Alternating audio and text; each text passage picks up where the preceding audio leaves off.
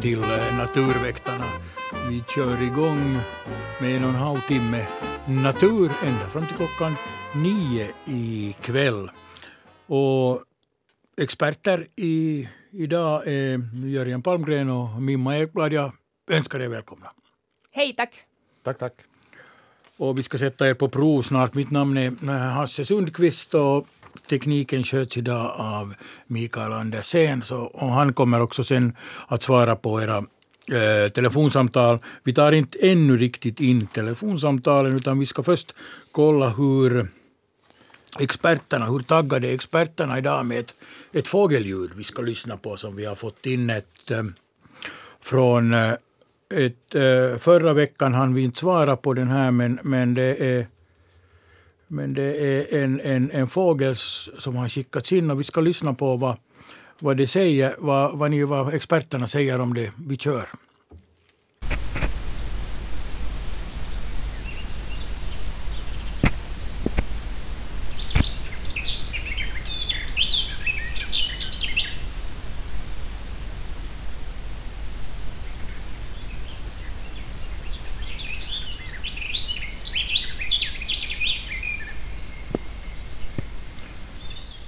Ja, det är alltså Annika Nylund från Snappelituna som har skickat in det här. Känner vi igen den här fågeln? Ja, Det är det är en trädgårdssångare.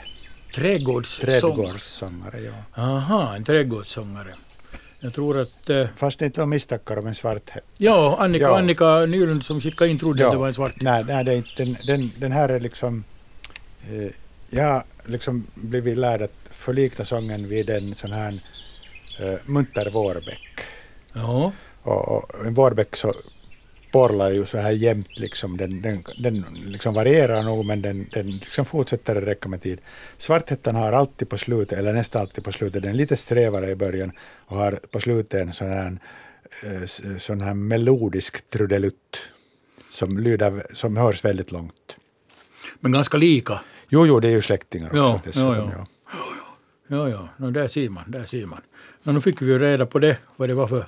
För jag hoppas Annika Nylund lyssnar till oss. Ja, de sju- sjunger alltså, fast nu fågelsången nästan i praktiken har tystnat nu, så jag, var- jag cyklat idag en fyra timmars runda i Hangö och det, där, det sjöng flera trädgårdssångare.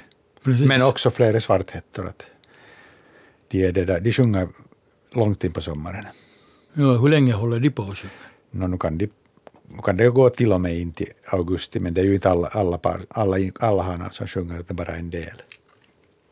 Det är samma vi pratade förra, förra veckan pratade vi om att, att eh, man hör inte så mycket fåglar. Nej, det, det, är liksom, det kan Koltrasten som, som Ja, det kan, det kan vara liksom förbluffande tyst i själva Ja. verket, men, men nu är det en del fåglar som är igång än. som är igång ännu. Ja, det finns ju en massa fåglar som skriker, måsar och tärnor och tiggar och har sig. Jo, tättingungarna tiggar och man har det bortblåst, men vad är det nu, så, vad är det nu det här igen? Ja, ja. Hört dem senast för ett år sedan kanske. Ja, precis. Och det, det blir aldrig tyst i, i naturen. Inte. Det blir det ju inte förstås. No, men bra, då fick vi ju reda på det. Om vi går över till bildbloggen och, och, och ser vad vi har, vi har där. Vi har också fått in en, en fågel, fågelbild på, på, på, från, eh, från Padova. Kommer det fram? Jag ska bara få fram den här sådär. Eh, den verkar en ensam fågel, pian som har skickat in. Och vi har tittat på bilderna eh, som har kommit in. Och, vet vi alls vad det här är för, för fågel? No, det, det är nog lite knivigt för att det där, de skulle kunna vara lite mer skarpa de här bilderna. Mm. Eller det, skulle kunna Det är taget från så långt håll så det är väl... Ja, säkert det. Och det där, den, den har en kort näbb, en kort, kortare än huvudet och, och den, har, den har ganska långa ben och, och så ser den nu ut att vara ungefär ska vi säga brokigt sand, sandbrun på ovansidan. Men det, det är där kanske som den här bristen på skärpa spelar in, att man kan inte riktigt avgöra att är det, är det, det där, är det liksom ljusa fläckar där på ryggen eller är det något ljusa brem på de enskilda, enskilda de där fjädrarna. Så, så för, för min del så skulle jag helst lämna den obestämd. Men jag kan nog liksom, jag har, jag har en aning om att det kunde vara en, en ljungpipare. Men det, det passar inte heller riktigt bra för att det där, den har så ljus, så, så liksom vit mage att det, det, det också passar lite dåligt. Så vi lämnar den här då obesvarad? Vi lämnar den tills vidare obesvarad. Ja. Ja. Ja, det är kanske bäst så för att då, det kan ju gå fel. Eh, Sen har vi ännu bilder från förra veckan som inte vi hann med. Det var ett, en skelett, eh, skelettbit eh, som har skickats in från Barsund. Det är skelett, en skelettbit som ligger i, i blåbärsriset.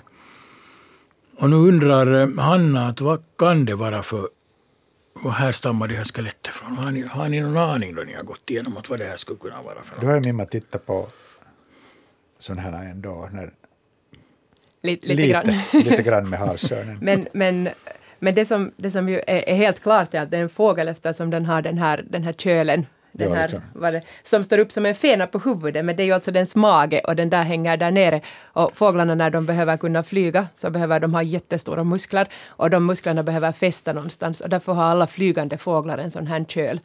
Och, och därför vet vi att det är en fågel. Aha, det är bra igen, att känna igen då. här vet att det är bröstbenet på en fågel. bröstbenet på en fågel, ja, inte skallen som har någon, någon horn på. Inte. Ja, ja, ingenting annat. Och, och det där. Ja, och det, nu är det här lite knivigt det att här fattas mått, måttstocken. Mm.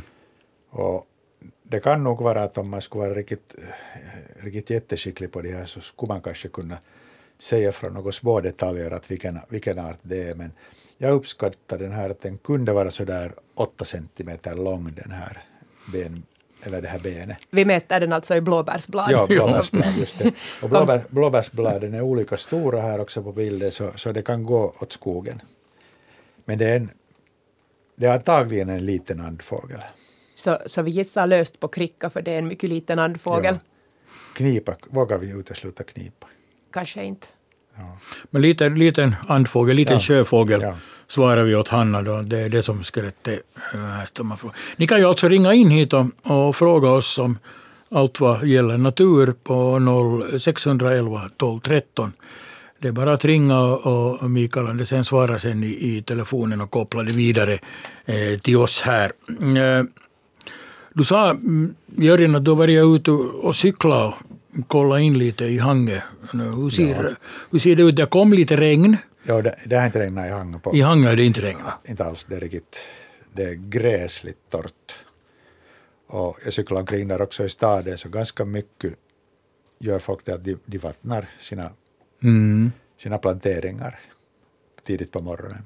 Jag startade klockan sex och var färdig klockan tio. Ja, ja, så att det, man ser det att nu har det, men, men eh, snart tar ju vattnet slut för oss om inte det kommer något. Nå jo, ja. Vi har en, också en anspråkslös o, liten odling i trädgården och, och när vi inte har vatten på almen, vi måste ro vattnet dit så har de flesta dagar hämtat fe- 50-60 liter men det räcker ju ingenstans. Det är liksom, man, kan fukta lite i de där lådorna. Ja, man får ju se om det kommer. Nu, nu väntas ju värmebölja igen här Ja. efter. Man kände redan idag att det Ja, har blivit kände Den, den kom klockan tre. klockan tre och då märkte man att då kommer det in, började det blåsa hårt och så kom det in ljumma vindar. Ja, men jag satt på stranden och det var, och det var svalt och, och skönt och, och sen gick jag in och sen skulle jag av och ut och så insåg jag att hjälp, eh, jag ska inte ha så här mycket kläder på mig. Nej, då fick man kläder, så att det blev korta benkläder igen och, och sånt. Så långt hann jag inte. nu har vi ett, ett samtal här. God afton, vem talar vi med? Ja, det, är det gäller det mig nu? Det gäller dig nu, ja. Just så, ja, jag heter Per-Olle Rief och jag bor i Porgo på Hantverkaregatan 42. Ja, god Det afton där- på dig. Jag skulle, god afton på er. Jag skulle fråga om rödstjärten. Det, där, det är på det viset att jag har holkar i, i mina äppelträd eller jag, och, och så vidare. Jag hade nio stycken sådana. Och jag har alltid har haft rödstjärten som har byggt i, i holken. Och sen har jag varit många äh, par har jag sett som har flugit förut. Men i år har jag inte sett en enda en rödstjärt. Och det där, nu det där tänkte jag berätta. Jag har min syster som bor i Stockholm i Nacka. Och hon har sin segelbåt i Finnoda varvets segelklubb. Och där, eh, där häckar även det där eh, rödstjärten varje år. Den bygger i deras äh, koppis som nu finns nere i stranden. Hon har inte heller sett en enda nu det här året. Och nu tänker jag, jag undrar riktigt, har det hänt den här äh, arten någonting?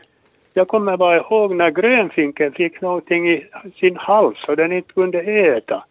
Så den där, den dog bort och till dags datum så har jag bara haft en till två stycken i mitt fågelbö på sommaren, äh, på vintern. Men det där, nu frågar jag, vet ni någonting om rödstjärten? Mm. No, vi vet sådär allmänt att den har redan många år varit liksom på nedgång. Och det, märks, det, det, har märkts liksom särskilt tydligt här i södra Finland, där eh, reviren, blir, reviren, sjungande fåglarna ja. blir allt färre och färre. Det hörs lite dåligt. Uh, sjungande fåglarna blir, blir allt färre och det är allt glesare mellan de sjungande fåglarna. Och, jo, det har jag märkt i ja, år. Ja, och sen i, i år så har det liksom nog i ornitologkretsar pratats om det här att det finns väldigt lite rödstjärtar och jag har nog eh, på ett, jag har ett väldigt litet eget material. Jag har besökt flera rödstjärtrevir i, i, i Ekenäs och Hangö. Och, ja. och det, jag har hört bara några sjungande, ska vi säga normalt. Ja, just ja. Om jag tänker på 5-10 år bakåt så kunde det vara till och med 10 sjungande. Ja. det, är, det är ett väldigt litet material, material det här och det bevisar ingenting. Det kan ju också hända att, ja. att, att, det, där, att, att det har varit någonting uh, tokigt uh, på våren, rödstjärtarnas flyttningstid. Va? Ja. Men jag var, jag, var, ja, jag, var till, jag var till mellersta norra Finland här alldeles nyligen och där var alldeles, kändes alldeles vanligt igen att det var, det var rödstjärtar här och var i terrängen, ungar ute och så vidare. Så att, men, men det är just det att, att den här södra Finland har varit lite randområde och sådana förändringar som märks vanligtvis tydligast just i, i randområden av, av utbredningen. Så, så det, det, kan nog vara att, att vi kommer att, att, att observera och skåda en sån här ja. nedgång också på längre bara, sikt. Jag tänkte bara senast så var här ganska många par egentligen. Ja, ja. Och, det där, ja. och, och nu, nu ser jag ingen enda ja. Jag väntar på den hela våren och så vidare. Ja, den, den ute, Men det där tyvärr. Den uteblev men vi ska hoppas att nästa år är lite bättre igen. Ja, men jag menar var min syster i Sverige, det var ja. därför så jag tänkt, ja. tänkt, tänkt att det, är det riktigt sådär att det är överallt på det här viset. Men, äh, flyttar, den, ja, flyttar den norrut då? Ja, så det, Vad sa du? Vi pratar om utbredningen i Finland, så den är nog tyngdpunkten är längre i norr. Jag så på det viset, ja, jaha. Ja, och den, ja. den är... Men får jag ännu berätta ja. en, en liten sak? Jo, det var så i tisdags. Jag, jag kom hem och, och tittade från trappan min och så såg jag en räv som var här på vår gräslinda. Mm. Och så stack jag in fort och tog det där kameran och, och fotade den. Men det, det, blev lite dålig bild. Men mitt i allt, jag skulle fota på nytt, men mitt i allt så steg den upp. Och den var helt utan hår. Mm. Och så gick den över till grannen, över, över det där Eh, stenmuren där. Vad är det, är det skabb eller vad är det då när man, när, Säkerligen. när en räv blir utan Säkerligen, nu är det så. Ja. Vad sa ni? Jo, säkert är det så att den har skabb. Ja, och det där sen dess har jag inte sett den. Ja. Jag har aldrig, ja. Det var bara, jag tänkte jag ska bara berätta ja, de ser, de, de ser ju ganska, det ser ju ganska dystert ut. Skallig, skallig räv som skabb, skabbeten. Ja. Och den gick så där långsamt när mm. den gick sen. Och, och det där. Men jag har någon gång haft då i två repriser älgen som har sprungit rakt framför mellan Lidre och, och det där husen genom hallonhäcken. Så det finns nog det där ljus i närheten. Ja. Nå, ja, det är allt no, bra. bra. Du är nöjd med, med, med de svar du har fått? Jo, precis, precis. Och nu vet ju då rödstjärten lite mer än vad jag Precis. visste förut. Ja, och alla Jo. andra också. Tusen tack. Bra, tack ska du ha. Ha en, Ja, hej. Ha, ha en bra dag. Detsamma, detsamma. Hej. Hela kväll menar jag. Ja ja, ni kan alltså ringa in hit till 0611 12 13 om, om ni vill, om ni vill äh, veta någonting. Man kan också skicka e-post åt oss på natur.yle.fi. Och äh, faktiskt kan man också skicka vanliga brev åt oss eller kuvert med någonting i på Naturväktarna postbox 12 00024 YLE. Och ni kan gå in på bildbloggen på svenska.yle.fi snedstreck natur och följa med i bilder vi går i- igenom. Vi har faktiskt fått in en, en, en post idag med ett tändsticksask med, med några uh, små kryp i som Mimma har, har tittat på faktiskt. Och, och den har vi fått från, från Jakobstad. Det är Maggi i Jakobstad som har hittat, hittat de här krypena i sommarstugan nu i fem års tid och skulle ha jagat dem och inte blivit av med dem och vill veta vad det är för någonting. Och nu har Mimma med lupp och allting tittat på dem. Och vad har vi fått i, i tändsticksasken, Mimma? Det är ju nog dessvärre sånt som man kan tänka sig att man hittar inne i en stuga och inte blir jätteglad över, för det är helt klassiska malar. De är, de är, de är hemskt vackra om man tittar på dem i lupp. De är rätt små, en sådär, no, lite drygt en halv centimeter långa och, och, och sådär nästan något guldglänsande och tittar man noga så har de som en liten vacker orange peruk på huvudet. Men, men de äter då alltså päls och ylle och kläder. Mest är det ju då ylle och, och, och sådana kläder att, att syntetmaterial tycker de inte om men att det kan nog då gå hål i kläderna om man har av dem. Så Maggie har fått mal i, sommarstugan då med andra ord. Och sånt händer. Sånt händer. Ja. Ja. Och vi berättar inte hur man blir av med, med, med djur i det här. Eh, Det får man ta reda på på annat håll så att Men, säga. men det är ett allmänt problem och det finns lösningar som man kan googla sig Det fram finns till. det, det finns det säkert. Det är ju inte en ny uppfinning, malen inte. Vi, vi har också malar. De Mm. kommer då och då flygande men vi har så mycket allt möjligt konstigt som äter upp våra saker hemma hos oss så malarna är ett mindre problem. Ja, men det var roligt att få in, in lite post och, och, och tack Maggie för att du skickade in dina malar åt oss. Så nu vet du vad det är som flyger omkring där i sommarstugan. Vi har ett samtal. God afton. Vem talar vi med? Hallå, Hallå ja. God afton. det här är Rolf Hasse. God afton. God afton. Jag ringer från Nagu, Haverö, från Haverö södra sida, mitt emot Prostvik. Ja. Jag har en, två frågor om sjögräs. Det är en Sjögräs långgrund strand här och där brukar alltid växa massor med abborrgräs. Men senaste sommaren och den här sommaren finns det inte ett strö mera. Vad beror det på? Och den andra frågan är, hade en, lång eh, flytbrygga av trä och på den flytbryggan brukar det alltid växa en sån här skäggkrans. Jag brukar gå och ta bort de där skäggen ett par gånger per år. Men nu finns det inga skägg mera. Det är bara en liten centimeter på. Så ingenting, ingenting växer i år. Abborrgräs och, och Men inte senaste året heller. mm. Har vi någon aning om vad det kan bero på? jag har faktiskt inte heller sett abborrgräs i år, men jag har, eller, eller inte hemskt mycket. Jag undrar om, om vattnet är lite smutsigare, men det, det här vågar jag inte säga alldeles säkert. Vattnet, alltså det där tång finns det ju mera, så vattnet, vattenkvaliteten borde vara bättre. Kan värmen ha någonting att göra med saken? Det är ju möjligt. Det är liksom den... Jag vet Ja, men inte. det var precis samma fenomen senaste sommar. Då var det ju också varmt. Men inte så här varmt. Ja. Hur, hur ser Det var din... det totalt försvunnet det där gräset. Har det hänt... Och det växte det- massor. Ja, har det hänt någon gång tidigare att det skulle vara i något år att det inte Nej, aldrig tidigare. Just, just. Det har alltid funnits massor av abborrgräs. Mm. Hur var det med din skäggkrans? Vad är det för en... Hur, vilken färg har den vanligtvis? Är den grön? Sånt gr- grönt och lite rött. Jag plockade alltid bort det och satte i såna bollar och slängde bort det. Mm. Men nu finns det bara en liten skäggstubben, sån här mörkare. Det finns också, också Så frågan faktiskt, är, renare eller smutsigare?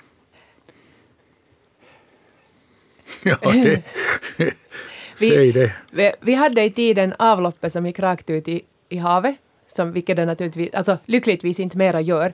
Men då växte där en, en sorts skägg, sjögräs som var, var visserligen sådär ljusgrönt och mörkgrönt. Det var hemskt vackert. Eh, men när vi tog bort det här, eller när avloppet, uh, vi fick ett vettigt avlopp som inte går rakt ut i sjön, så efter det så försvann det här. Så det, det kan alltså också vara att, att vattnet har blivit bättre. Mm. Här finns nog inga avlopp och ingenting. Du skulle kunna ta en bild av det här som finns kvar, det här skägget, och, och skicka in. Jo, tyvärr kan jag inte ta en bild av abborrgräset som inte finns med. Nej, Alldeles, alldeles just det. Men kan man tänka sig att det vattnet skulle ha blivit bättre, bättre kvalitet? Hur är det, hur är det med tång? Alltså blåstång? Jo, det finns, det, Ja. det finns mera tång än tidigare. Det, det är nog en indikator på att vattenkvaliteten har blivit bättre. Ja, fast det har varit- nog varit tal om att, att eh, skärgårdshavets vattenkvalitet inte har blivit bra riktigt som man har önskat. Och det Men förklaras med bättre? att, att det har inte blivit så bra som man har önskat. Utan det, Ja. det, det fortsatt lite eller, eller är övergött och kommer från, räknar med att det är ju säkert inte bara en, en, en det där skyldig eller en faktor där som inverkar, men det, det pratas om att det här jordbrukets inverkan alltjämt är ganska kraftig. Ja, det Men kommer ut mycket fosfor. Och, och Sankt Petersburgs inverkan är stor i Finska viken. Ja, men skärgårdshavet, Ja. det torde vara mest från, från det här liksom, Jo, men all- om det inte är bra så är- det bättre eventuellt. Eventuellt, ja. Det, det är definitivt bättre Ja. än det var för 10-15 år sedan. Ja, Men kan man tro att det abborrgräset trivs i en över, övergött vatten? Jag tror nog att abbor, abborgräset, ab- abborgräset har, har bättre att vara i ett, ett friskare vatten. Ja. Skillnaden är bara så markant. Ja, jag har inte heller lagt märke till, vi har också mycket abborrgräs, men att inte i år har jag sett så mycket Det kan ju nog tillfälligt finnas någon djurart som äter det. Men jag, jag misstänker att det inte är en, det är inte en bra förklaring. Svan till exempel. Nå, ja, inte brukar de kunna äta slut sånt, men tänkte Vi har haft svanar varje år. Ja, just det. Ja, det, det har säkert varit i årtionden, många. Jag har själv petat bort när jag simmar i Ja, tiden. ja. Ja, det, ja, det skrapar ju otrevligt Ja. mot magen. Precis. Men ska jag tro eventuellt har blivit lite bättre? Den, Eh. den har överlag blivit lite bättre, men det här med att, att abborrgräset är borta, så det, Det, det låter lite mystiskt. det låter mystiskt. Ja, tyvärr hittar vi inte någon lösning på ditt problem. Men, Nåja, men, jag- men din Tack för det här. Ivo. äh, skägg, skäggkransen får du gärna skicka en bild på om det fanns någonting kvar av den, så kanske vi kommer Jag fram ska till... se om jag kan gå och ta en bild där. Ja, fint. Men Okej, ta, tack men tack ska du ha. Ja, hej. Tack. Hej. Precis, ja, jag har inte heller lagt märke till om abborrgräs. För vi, abborrgräs har vi haft mycket, där jag bor på Drumsö i Helsingfors har vi haft utanför där också. Men i år har inte jag lagt märke till att det skulle ha varit så mycket. Den abborrgräset kallas också ålnate och det är svårt att googla på abborrgräs. Att, att vill man leta efter mera information om det så lönar det sig att leta på ålnate. Ålnate. Ja, precis ja, så att abborrgräs hittar man kanske inte så lätt. Nej. Om vi går till Eh, bildbloggen igen så har vad heter det, Bo Fagerholm från Vanda skickat in en bild på ett, ett han, säger, han skriver så här, detta kryp landade på min tumme medan jag lyssnade på Naturväktarna utomhus eh, förra veckan. Och det är en grön liten varelse. Vet vi vad det skulle kunna vara? Vi vet, vi vet inte på artnivå vad det skulle kunna vara, men vi vet sådär på ungefär vad det är. Det här är ett, ett litet smalt grönt djur och den har en sån där, eh, ändarna av den svingare är, är svarta. Men, men den, den avslöjar sig. Det, det här är sådana djur som har en, en mycket kännska, kännspak form, nämligen skinnbaggar. Det finns många, till exempel bärfisarna, de här eh, femkantiga djuren som till exempel finns på hallon, så de hör till skinnbaggarna. Och också de här vattenlöparna, skräddarna som springer omkring längs vattenytan, de är också, också skinnbaggar. Och det här är också en skinnbagge. Eh, de, är, eh, de, de har sån här, eh, en, en sån här triangel under det där huvud som är ganska typisk för dem allihop. Och så har de alltid, om man tittar på deras antenner på den här bilden, så de är rätt långa, men om man tittar närmare så ser man att de har bara fyra sådana här segment på dem. Att, att skalbaggar har vanligtvis elva. Och det där, för ibland kan de här lite påminna om skalbaggar, men att, men att långa antenner med, med, med, med bara några långa segment, så det, det är då skinnbaggar. Och, och det här, de här som är, är, är långa och smala, så de heter ängsskinnbaggar. Men, men sen finns det jättemånga ängsskinnbaggar som är gröna med lite brunt, så jag vågar inte bestämma dem på art. Men, men så här på en höft så skulle den kunna höra till släktet Lygocoris eller uh, Orthotylus, men det kan hända att, att Anders lynchar mig. men kanske Bo, Bo är nöjd med ängsskinnbaggen och ändå, att vad heter det, det, det är ju tillräckligt nära ska ja, en, säga en, så. En ängsskinnbagge är det i alla fall. ängsskinnbagge, ja. No, men fint, det landar djur på folks tummar då de lyssnar på oss. Det är bra. De ville också komma och lyssna. de ville också lyssna, ja precis. Ni kan alltså ringa in hit på 0611 12 13 Eh, och vi fortsätter då med, med vad vi har i, i vår bildblogg. Nu kommer det en död fjäril uh, som nästa bild. Nina har skickat in. Och om ni ser på den där bilden som är en spräcklig fjäril, vad skulle det kunna vara? Den här är, är, så typisk så den går inte att, att ta miste på. Det är en, en fjäril som har övre vingarna, är de, de är, de är sådär lite kospräckliga, så de är liksom vita med bruna fläckar. Och undre vingarna är sen då röda med, med, med klarblåa fläckar. Och, och, det här är en björnspinnare och det kan då inte vara någonting annat än det.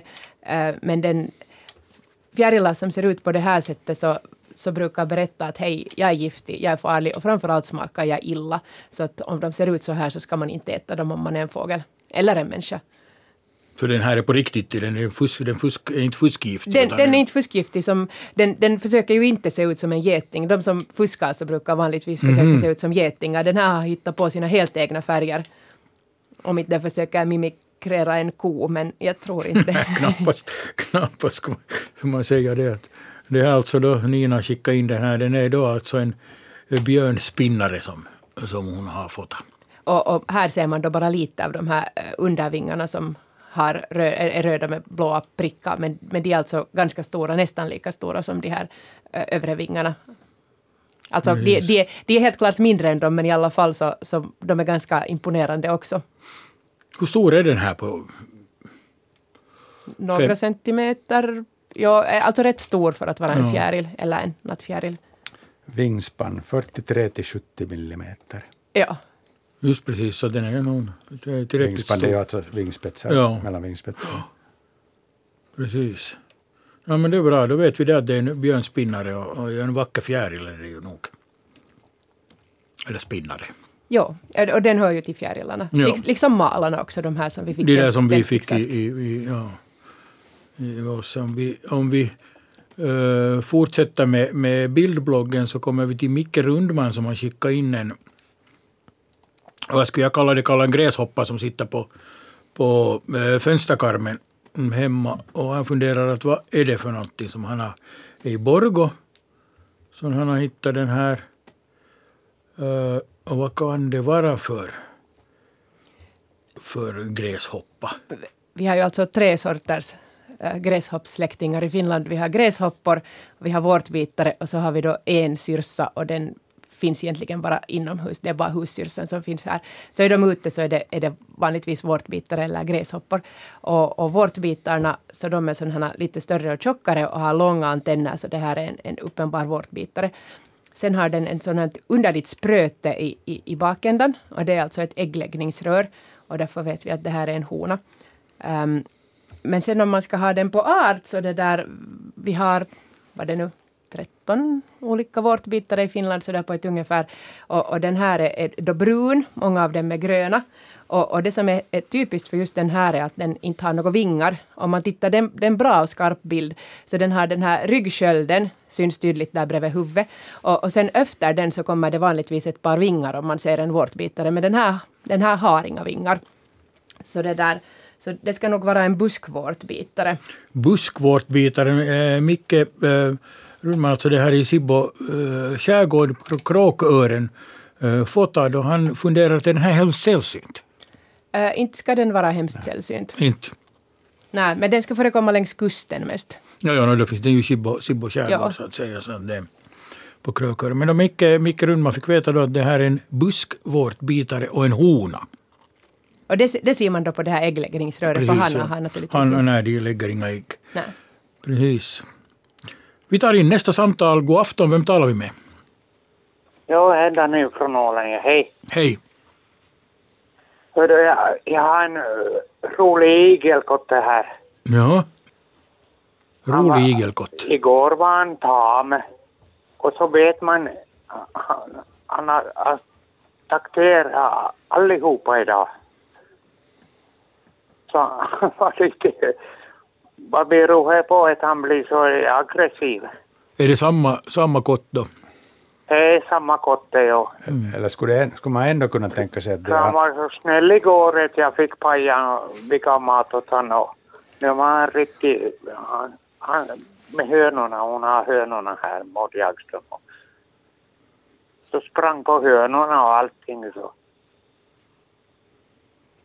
Jag, varför, jag, jag, skulle ändå, varför blir han så där? jag skulle ändå våga misstänka att det är en annan individ. No, en sån där liten, ganska ung kanske. Mm. No, det är nog ni har flera igelkottar där på. Ja, men det kommer bara en i gången då kanske. Mm. Igelkottar med olika humör. En är snäll och glad och en en är argsint. Det verkar han, det så. var riktigt argsint. Han hoppade på mig tre gånger och bet med strumporna. Det låter inte Så så det bra. var lite mycket. Ja. Äh, vad matar ni den med? no, allt är äppel och allt möjligt som det är. Som hönorna får. Korvan äter nu. Inte HK. Man får inte reklamera men... Korv och Ja, äppel. Han var riktigt... Ja, han, men han var så aggressiv idag. Han sprang bara och jagade allihopa så. Så det var lite mystiskt. För, Men det låter nog som det skulle vara att om du skulle ha flera av dem och en, en, en ilak och en, en snäll. ja, ja, kanske. Men det liknar ju varandra, det är piggiga allihopa. Så. Jo, Det gör de. det gör de faktiskt. Ja. Men det så var igår här så jag, jag pajade honom och han var osnäll så helst. mm. ja, de kan ju variera förstås, bet, deras beteende. Jo. Om de, är, om de är nervösa på någonting. Men jag skulle nog ändå vara försiktig med att paja vilda djur. Jo, Jo, jo, men och- han var riktigt, han var riktigt snäll och,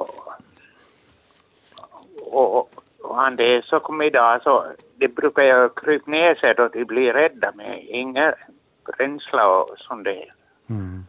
finns här. No, det var, det var ett annat, annat djur eller så var den på dåligt humör. Mm. Ja, kan ju variera Ja, det förstås. kan- Dens humör också har blivit skadad eller någonting som den Eller skrämd av skrämd av. han sprang, han sprang från och till här idag och var, var riktigt aggressiv hela tiden. Ja, ni Fan. måste se upp med honom. Fanns det mat idag då? Fanns det mat idag? Jo, jo. Vi gav ju mat åt honom men han, skulle i mina ben och bet mig tre gånger. Det kanske var bättre mat. Nej, du, du tror det. Ja. ja, men var försiktig med igelkottarna. Var försiktig med igelkottarna där så inte Jo, jo, nej, men det är gulligt. och- Det är de. Roligt att ni har igelkottar. Ja, det är bra med igelkott. Jo, jo, vi tycker om dem där som Ja. springer här på gården. Nå, bra. Men varför han var så aggressiv idag? Men, men om det finns flera då så. Ja, troligtvis. Ja, Ja. vi tror att det är flera.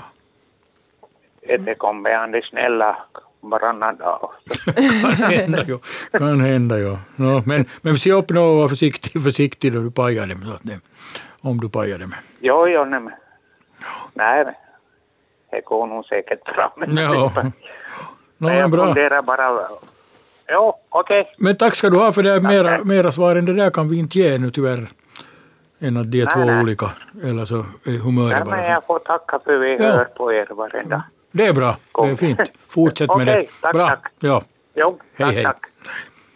Ja, jag skulle ännu kunna eh, påpeka här att eh, mm, Naturväktarnas Facebook-sida, som många vill bli medlem i, så finns det ett, för att kolla att inte ni är robotar då ni, då ni går med i, i, på Facebook, så finns det en fråga som ni måste svara på, att vad ni, vad ni, ty, hur ni, varför ni tycker om naturen. Och jag ber er svara på den där frågan, för annars kan vi tyvärr inte godkänna er på, för Facebook, för vi vet inte om ni är en robotar. De flesta av er som skickar in är förstås inte robotar, men vi vill ju inte ha några någon botar in i, i, på Facebook-sidan. Så kom ihåg att då ni eh, ansöker om medlemskap i Naturväktarnas Facebook-sida, svara på frågan så blir ni godkända direkt. Så det lönar sig. Vi närmar oss eh, nyheterna klockan åtta och efter eh, åtta så ska vi höra på ett till inslag om biodiversiteten.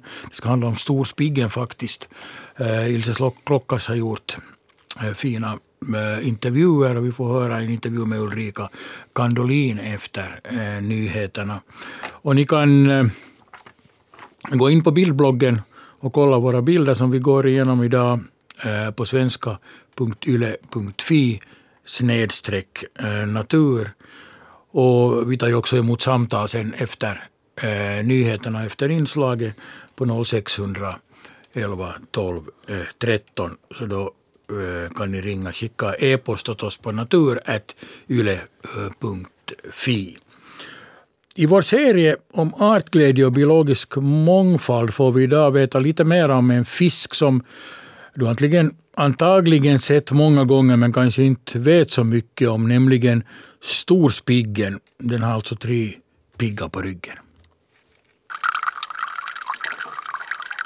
De har ju också personligheter, de här spiggarna. Det, det märker man faktiskt när man gjort experiment med dem. Att, att, speciellt ibland när jag har haft det liksom en hel sommar och lärt känna dem som individer så nu är det ju precis som människor att vi, vissa är nyfikna och vissa är mer aggressiva, vissa är väldigt blyga och vissa är mer sociala. Att, att de har precis som, som, som de flesta djur så har de personligheter. Idag ska vi bekanta oss med storspiggen, en liten fisk som de allra flesta har sett simma omkring under bryggan. Ulrika Kandolin har forskat i storspiggens beteende ända sedan början av 1990-talet. Och jag träffar henne i ett rum fullt med akvarier för att höra mer om denna riktigt speciella lilla fisk. På något sätt blev jag intresserad av den för de är så, de är så aktiva och, och, och faktiskt så är de helt vackra när de, när de leker. Hannen får ju de här blåa, grannblåa ögonen och sen den där röda buken och, och så bygger han ett bo där i, i den, bland den där tången och bland de där mm, gröna algerna. Och, och sen kan man faktiskt, man kan riktigt, om man sitter på stenar och sitter helt stilla och det är inge, ingen blåst eller något som stör den där vattenytan, så då kan man faktiskt riktigt se hur han lockar till sig de där honorna dit till boet. Att han har en sån här eh, ganska speciell eh, courtship dance, alltså vad ska man säga på svenska? Parningsdans Parningsdans, ja. ja när han, han, han far i, i så här zigzag-rörelser mot den där honan. Och, och, och, och, och sen då kretsar han runt den där honan och försöker få henne intresserad och så far han i en rak linje tillbaka till boet och hoppas att den där honan ska följa honom. Nå, majoriteten av honor så säger no, nej, den där hanen tycker jag inte om och, och så fortsätter de och söker efter någon annan. Men, men kanske sådär en på 20 honor så lyckas de få dit till boet och, och sen kan man faktiskt se hur hon, hon tittar in i boet och hon inspekterar det och, och kollar och, och ganska många far sen igen och säger nej, nej, det här boet tyckte jag inte om. Men sen är det alltid några då som ändå sen tycker att nåja, det här är skapligt, den här hanen kan jag tänka mig och det här boet är okej. Och, och då far de, de simmar igenom det där boet som då är byggt av, av trådalger, ibland mellan stenar på sand. Och så lägger de sin rom där och så far hanen efter det genom boet och lägger sin mjölke och sen blir de där äggen där och sen far honan iväg, lämnar sina ägg där i boet och hanen blir där kvar och sköter dem.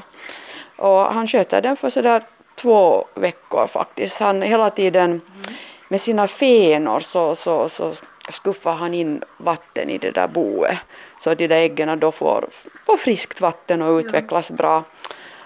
Och sen efter två veckor ungefär så, så simmar de där små ynglarna ut därifrån. Och de bildar sen sådana små stims och på, på slutet av sommaren så kan man också se de här små stimmorna av små, små mini-yngel. De är ju max en centimeter långa där. Så att, mm. Men de är sådana små, små moln som man ser där i, på riktigt grunda kustvatten. Ja. Här kan jag annars säga att här är en hane nu med röda, röd mage och lite blåa. Han ser du, ser du hur han jagar de där andra? Han tycks anse att han håller på att bygga ett bo här. Nu far han dit. Han får, far alltid emellanåt till samma ställe. Och jag tror att han försöker upprätta sitt revir där nu och, och, och bygga ett bo. Men han tycker inte om de här andra spiggarna som är så nära. Han, han vill jaga bort dem hela tiden. Du ser hur han ja, anfaller jo, dem. Jo. Han attackerar dem.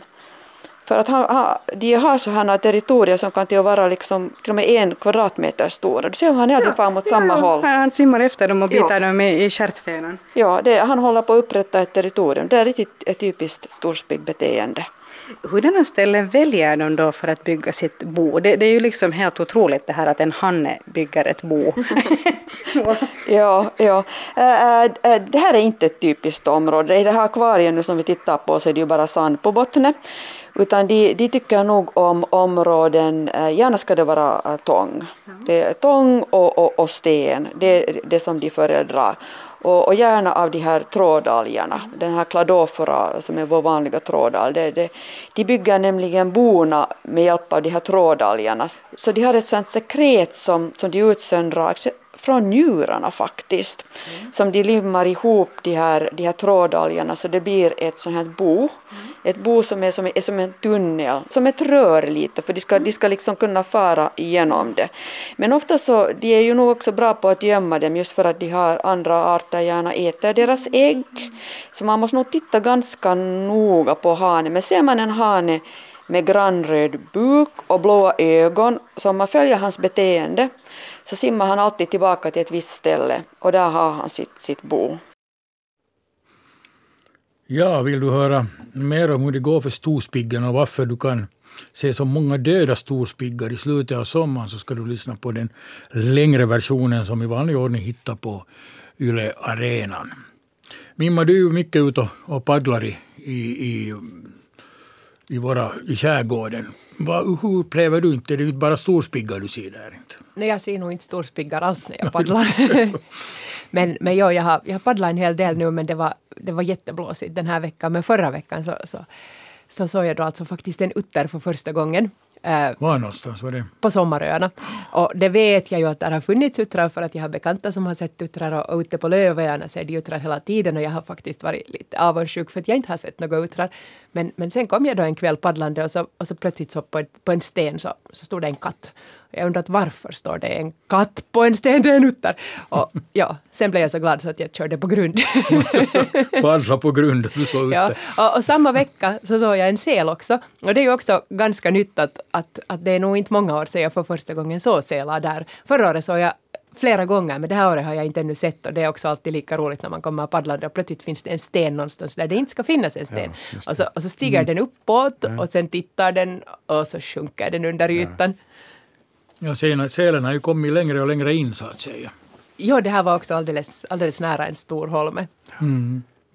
Nej, Simon, det lönar sig att åka ut och, och, och paddla. Jo, jag ser sälar när jag är ute med min tubkikare på morgonen på Strandberget. Om, om det är lugnt så ser jag alldeles säkert gråsälar. Men när det är blåsigt som idag så då, då har jag inte tur.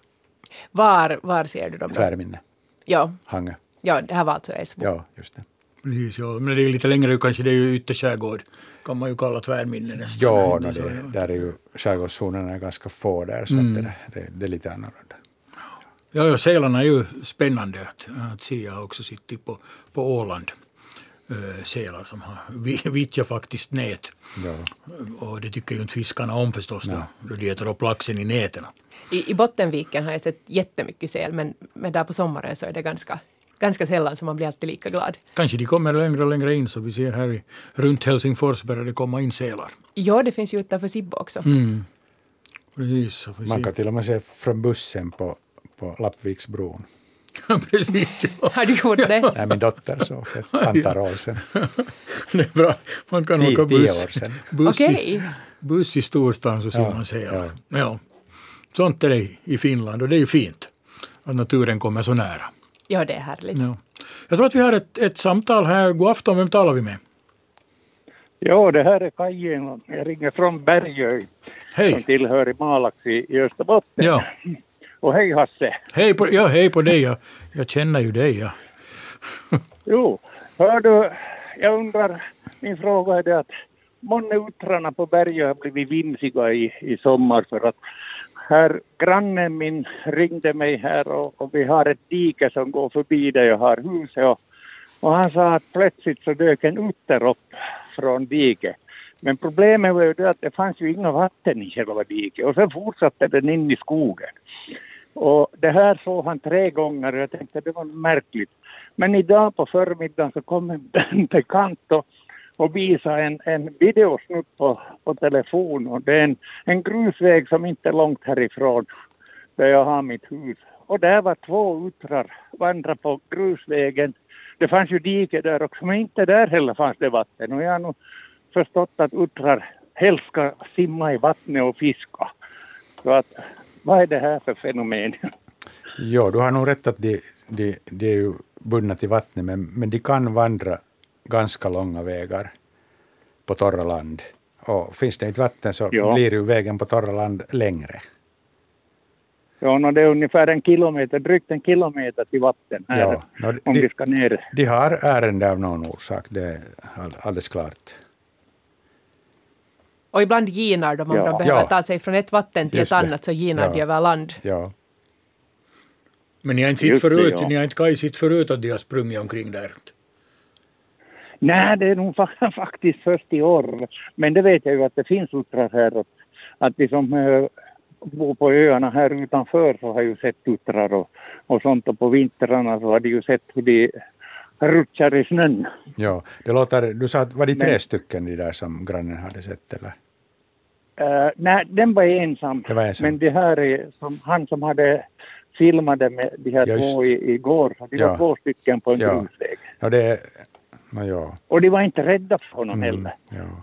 Det är ju så att, det där, att honan rör sig ju ganska länge med, med ungarna. Och, och det där, han- då kan de ströva ganska vida omkring och, och, och just ta sig via torra land till, från vatten rakt till annat, alldeles som Mimma sa. Ja, det är det det beror på. Då, så att Ja. de, de söker nog vatten men de, de tar bara Ja, genvägar ja. över torra land. Ja, nu har det varit torrt så det är nog, det är, alla diken är torra. Mm. Men, men de utnyttjar vattnet så länge de kan och simmar längs diken och sen går de då över land då när Ja. de behöver gina. Ja, de, de kan den där rutten från gammalt, att, att där normalt så kan man röra sig Mm. i vattnet där, men nu, nu är det då torrt, men de använder ändå samma rutt. Okej. Och, oj, vad roligt att ni har får uttrar tacka för det där. Fint Ja. att ni har, ja. Är du nöjd Kaj med, med svaren du fått på Jo, jo, jo, jo. Finemang? Ja, ja. Ha en fortsatt trevlig kväll. Ja, detsamma för er. Ja, Okej. hej då. Tack ha. Hej, hej.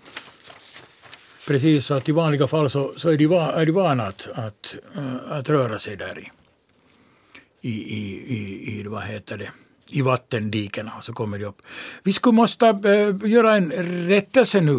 Äh, för två veckor sedan så, så hade vi en, en fågel, om de som kommer ihåg så hade vi en fågelunge som satt på en väckarklocka och vi funderade på att vad är det för en fågelunge. Och Anders Albrecht eh, sa då eh, att eh, vad sa han att det var för fågel? Det var en... Ja, ja, jag sa att det var svartvit flugsnappare och Anders det. hävdade att det var en rödhake och jag sa att det är ja. inte en rödhake och han sa att det visst är en rödhake och sen blev jag tyst för jag tänkte att jag nu inte börjar bråka. Och, och nu visade det sig då, då Jörgen lyssnar på det här programmet så han håller med Mimma här. Ja, eller att det är en flugsnappare. Jo. Att det är en flugsnappare. Men det är en grå flugsnappare. Men, okay. men, men, men, de, liknar, de liknar nog varandra väldigt mycket. Och, och det, där, det, det som skiljer då från rödhake här är att för det första den här ser ut att ha väldigt korta ben, men, men det, kan ju, det kan ju vara liksom också tekniskt. Men det där, rödhaken har aldrig så här, så här liksom nästan vitt i fjäderdräkten. Den har bara olika bruna nyanser. Det kan vara gulbrunt men aldrig vitt som den här. Den här har vitt på buken. Den har också vita fläckar på ovansidan. Och, och det där, uh, man ser att också på gässan så har den, har den liksom man ser det som en, en gammal grå flugsnappare, där är mörka streck på brun botten. Och här, man antyder de där mörka strecken här också. Det är alltså en grå, ung grå flugsnappare, just hoppat ut från boet. Så att eh, det är det som det i själva verket är, den ja. fågeln på veckorockan. Ja. Grå flugsnappare. Ja. Och nu, har vi, nu, nu, nu slår vi fast det en gång för alla. Är inte så? Ja. Yep. Precis. Då. Jag ska skriva in och rätta det i, i, i bildbloggen så det kommer rätt där också. Nej, bra, då vet vi det att det är en grå flugsnappar, Då fick vi det rättat också. Det är ju bra att vi eh, efterklokheten och att vi verkligen kollar upp våra saker. Vad vi säger att det ska vara, det ska vara rätt som ska vara rätt. Om vi går till eh, bildbloggen igen eh, så har vi eh, fått en bild inskickat från Borgo. Venjärvi i Borgo, det är någon som äter upp eken uh, hos Jan Holmberg. Vi, kan vi säga vad det är för någonting som håller på och äter hans ek? Mm, jo. Larver. Ja, det är oxhuvudspinnarlarver. Och oxhuvudspinnar är ju alltså en sorts nattfjäril som hör till äh, tandspinnarna hör den till. Men, men den här, när den är, är fullvuxen så leker den att den är en gren, en liten kvist. Och, och sen sitter den då någonstans och, och kamouflerar sig till en kvist. Men, men den lägger då sina ägg på olika lövträd och, och sen blir det larver av de här äggen och sen äter larverna upp de här de här grenarna. Ja, de, de kan, måste ju ha mat. ja, de, kan, de, kan, de, de lever, åtminstone när de är små, i, i sådana här större grupper och de kan kaläta hela grenar då. Ja, just det. Ska vi beskriva de här larverna också? Ja. De, de är ganska spännande. De, de är sådär gulaktiga och, och så har de sådana här svarta streck och så har de som små uh, orangea tofsar ännu på sina uh, lurviga det där, uh, kroppar. Och de, de ser hemskt söta ut när de, de hänger där på, de där på den här bilden för att de håller i sig med fötterna där runt de här bitarna som är kvar av de här äh, bladen. Är det, är det så är det bara ek den äter eller äter de eh, vad som helst? Inte äter de helt vad som helst men många olika lövträd går de på och eken är kanske inte liksom ens den, deras favorit. Vad skulle du säga att är deras favoritträd? Ja, det vågar jag inte säga. men, men lövträd är det, är det, det som de... Ja, många olika lövträd går mm. de på. Och, och, och de var ju många på den där bilden så att de, de kan äta ganska kallt då sen om de blir, om de blir många, många så att säga. Så. Jo, men, men en sån här grupp med larver äter nog inte upp ett helt träd. Att det är då en gren eller ett par som går. Ja, nu fick, fick vi svar på den frågan åtminstone, att vad det var som var åt på eken. Uh, vi har ett samtal. God afton, vem talar vi med? Jo, hej. Det är Astrid Zetterström. Hej Astrid. Från Söderkulla. Och jag bor i en radhuslägenhet. Här är fem hus. Och vi har ju en väldigt lugn och fin innergård. Och vi har många igelkottar här. Ja. Och vi matar ju dem. Men jag undrar, när föder vi igelkottarna sina ungar? I juni. Juni? Aha. Ja.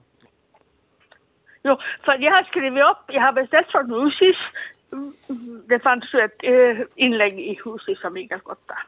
Mm. Och jag har tecknat upp att andra i sjunde så var det parning. Jag trodde det var ett, ett, ett, ett sånt här, det var, det var hostningar och det var, jag trodde att det tuberkulossjuka som var här. Ja. Det var parning, jo. Ja. Och jag vet inte hur många vi har, men nu har jag ikväll har jag redan matat fem påsar. Vi matar, grannfrun och jag, vi serverar åt dem kattmat. Mm. Och ikväll vet jag inte hur många här har varit, men tre på en gång. Det, det Och kan det ju är också... lite gruff. Jo, säkert. Jo, jo. Jag vet att ni hade upp igelkottar tidigare, men jag kom så sent in i programmet. Just det, Jag hörde ja. inte.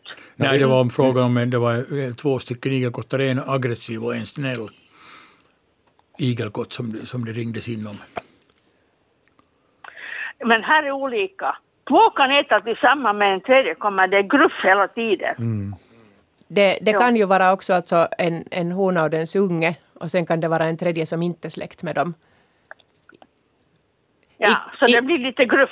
Jo, igelkottar Mm. är inte, inte sociala, de vill helst vara för sig själva så att om det kommer två igelkottar och träffar varandra så, så, så brukar de ha lite stirrningstävling och sen brukar den ena ge sig eller sen fortsätter stirrningstävlingen. Men om det finns hemskt trevlig mat så då, då, då kan det bli gruff. Men att om det är två som är vänner Jo. så är de antagligen Jaha, då... nu ser jag en där på gården igen och kommer. No, Oj, vad härligt. kattmaten som vi serverar, den doftar ju gott på långt håll. Jag lockar alla igelkottar till er gård. Jo, jo, nu kommer, kommer en igen. Och jag har just haft tre, nu kommer en fjärde. Men vi har ju ett gissel. Nå, No, Borgosnäckan. ja. Och jag menar, de äter ju allt. Mm. Det går gräslök, det går persilja, det går rabarber. Plus alla, alla, alla bara blomster och alla växter. Och grannfrun och jag vi brukar plocka för jag har gjort en marinad på ättika och vatten och så plockar jag och sätter dem dit. Hur, hur är det i år? För, för de här ska inte eh, klara sig så bra när det är så här hett. Har ni haft mindre av dem i år? Det finns, det finns. Och det finns massor med små. Jag har en prydnadsrabarber och en vanlig rabarber. Och när jag lyfter bladen så finns det hur många som helst under bladen. De har klarat sig bra då, trots hettan. Jo, jo, därför att de vattnar ju här. Mm. Ja, Men om vi inte plockar så förökar de sig, det blir hur mycket som helst. Ja, de kommer därför ni vattnar, så då klarar de sig bra. Men om vi inte vattnar så klarar sig inte växterna heller. Vad gör man sen? Så har man varken växter eller snäckor. Så är det ja. Jo jo. Sen, har, sen har jag här i min trädgård haft massor med fjärilar. Och nässelfjärilar. Massor, massor. Och plötsligt en dag så försvann alla. Och jag hade inne av dem, jag försökte ju få ut dem, men de gömde sig. Söker de mörker? Uh, det, det, var, det var säkert då det var väldigt varmt. Jo, det var ju det. de det, var, sök- det, no, det har ja. ju varit mycket varmt. De, de, de, ja, de söker sig inomhus för att få lite svalka. Undvika det här sol, Jo. sol, Jo. heta solgasset. Men jag har ju vätska ut, jag har både vatten åt Mm. igelkottarna och så har jag fågelbad. Mm. Men ingen, ingen fjärilsbar. Nej, hur ser den ut? Nå, den ser, det är ett, ett flat fat där man har till exempel farinsocker och, och vin och kanske några frukter och fjärilarna kommer väldigt gärna och äter. Aha, aha. Är det en skillnad på vinet? Ska det vara No, rödvin? men det måste jag ju anordna. Det, det är inte Det måste jag skillnad. Det är inte skillnad. Inte. de är inte finsmakare. Ja, du kan, du kan Nej, ordna nej, med... jag har bara vatten. Jag har ett stort fat med en sten i mitten för att fåglarna ju vågar Ja, inte annars gå om, Ja, det, ja. om det inte finns någonting att Ja. landa på. Den gör gott för insekterna också för att de kan klättra upp för den så drunknar de Mm. Ja, inte. just det. Jo, jo, jag har märkt att det är mycket viktigt. Det är mycket viktigt. Du sköter ju bra om, om djuren där, hör jag. Om du, om du, du, du skulle ändå kunna testa på att dela upp kattmaten på några olika fat som är lite längre ifrån varandra så kan de igelkottarna då välja var sitt fat så behöver de inte slåss vid samma fat. No, vi har ju med grannfrun. Hon har flera fat och jag har flera fat. Ja, Så det är lite, ju ingen nöd med det. Ni har men de lite söker sig till konkurrens. samma fat. Ja, Det är just det. konkurrens, ja. Där finns den bä- bästa kattmaten. Fint. No, vi, har, vi har ju lika, vi har samma märke så det borde inte vara någon skillnad. Men det är gruff i varje fall. Det är gruff i alla fall. Kanske det är en principsak. Men det låter ju bra att du har fu- full rulle på där på innergården. Jo, jo, jo, jo. En kväll gick det åtta påsar. Det går massor med påsar per kväll. Det är bra, de igelkottarna ska man mata, igelkottarna är bra. De är fina. De är Sköt, fina. sköt om dina igelkottar, det var roligt att du ringde. Jo, Ja, jo, kiva. Ja, Tack ska du ja, ha. ja, jo, hej. hej. hej. ja där finns igelkottar. Igelkottar och, och, och mycket eh, mat åt dem. Vi har inga igelkottar. men ni bor i skärgården. Jo. Det, är- det är sämre med dem där. Ja, sämre och det är kanske bättre. i- I Borg tydligen där fanns det igelkottar. Och så om man ordnar, som, du- som du sa Jörgen, om man ordnar ännu lite uh, åt fjärilare med lite mums så kommer de också så trivs det. bra. Ja. Men, Socker ja, och men vin. det, det har varit lite sämre nu när det varit svalare. Men, men jag tror att nu när värmen kommer tillbaka så kan Så det komma någonting igen. Kommer, ja, ja, de, de försvann nästan fjärilar. Ja, ja, ja. Eller Precis. minska i varje fall. Min, ja, minska precis, så man ser inte lika mycket. Om vi går tillbaka till, till eh, bildbloggen då så har vi igen någon som heter upp och den här gången är det albuskar. Och vi har fått in en bild eh, av Kalle Stogård från eh, Monafjärden i Nykarleby som funderar på att vad är det för något eh, på hans albuskar som äter upp dem. Vi har fått många sådana frågor in faktiskt. Har vi reda på vad de här svarta maskarna, larverna är för någonting? Ja, vi, vi är, det, det är lite omväxling här för det, den här gången är det faktiskt inte fjärilar utan det är skalbaggar.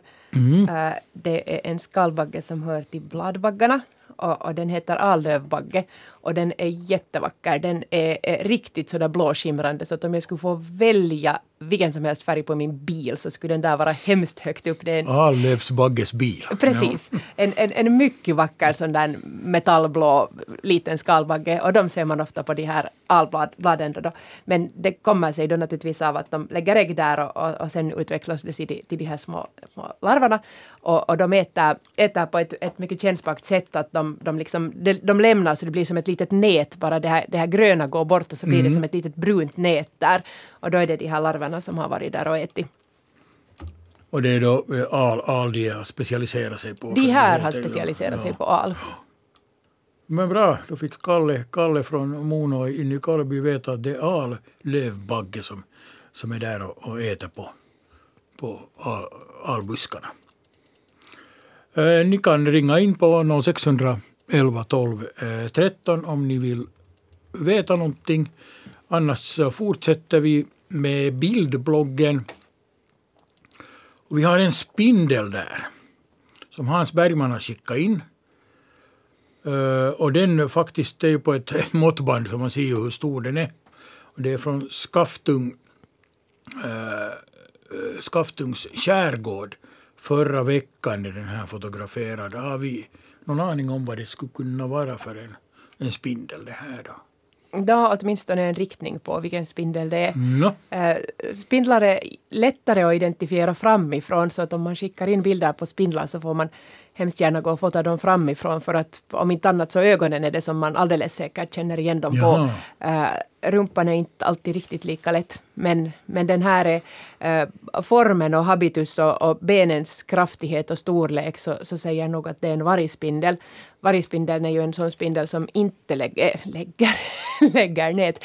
Den, den, den bygger inte något nät ut sig utan den jagar då alltså aktivt springande. Och, och, och då har den ganska kraftiga ben.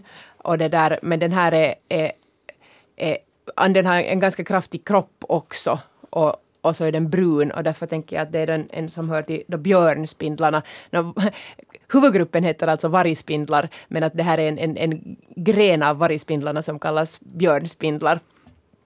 Det, det, är min, det är min kvalificerade gissning. Vargspindel därför att den är en, en sån som jagar. Så att vargspindel för att den jagar, Ja. ja. Och sen, ja, trokosa ska den här formen heter, som då heter björnspindlar på svenska. Och, och sen så kan man ju faktiskt könsbestämma spindlar på de här mm, pedipalperna som har de här utskotten där liksom som ser ut på, som ett par korta ben mellan frambenen. Och, och här sticker det fram en liten av dem. Om den ser ut som en boxningshandske så är det en hane och den här ser inte ut som en boxningshandske så långt jag kan se. Det är lite äh, grenar i vägen eller gräs. Men, men jag tror att det här är en hona då. En björnspindelshona Jo, som hör till vargspindelsläktet. just det. Nåja, nu fick vi reda på Hans Bergman där vad han har fått för, för spindel. Vi har ett, ett samtal. God afton, vem talar med? Ja, om det är jag så är det Kurt Wikström från Esbo. Hej Kurt.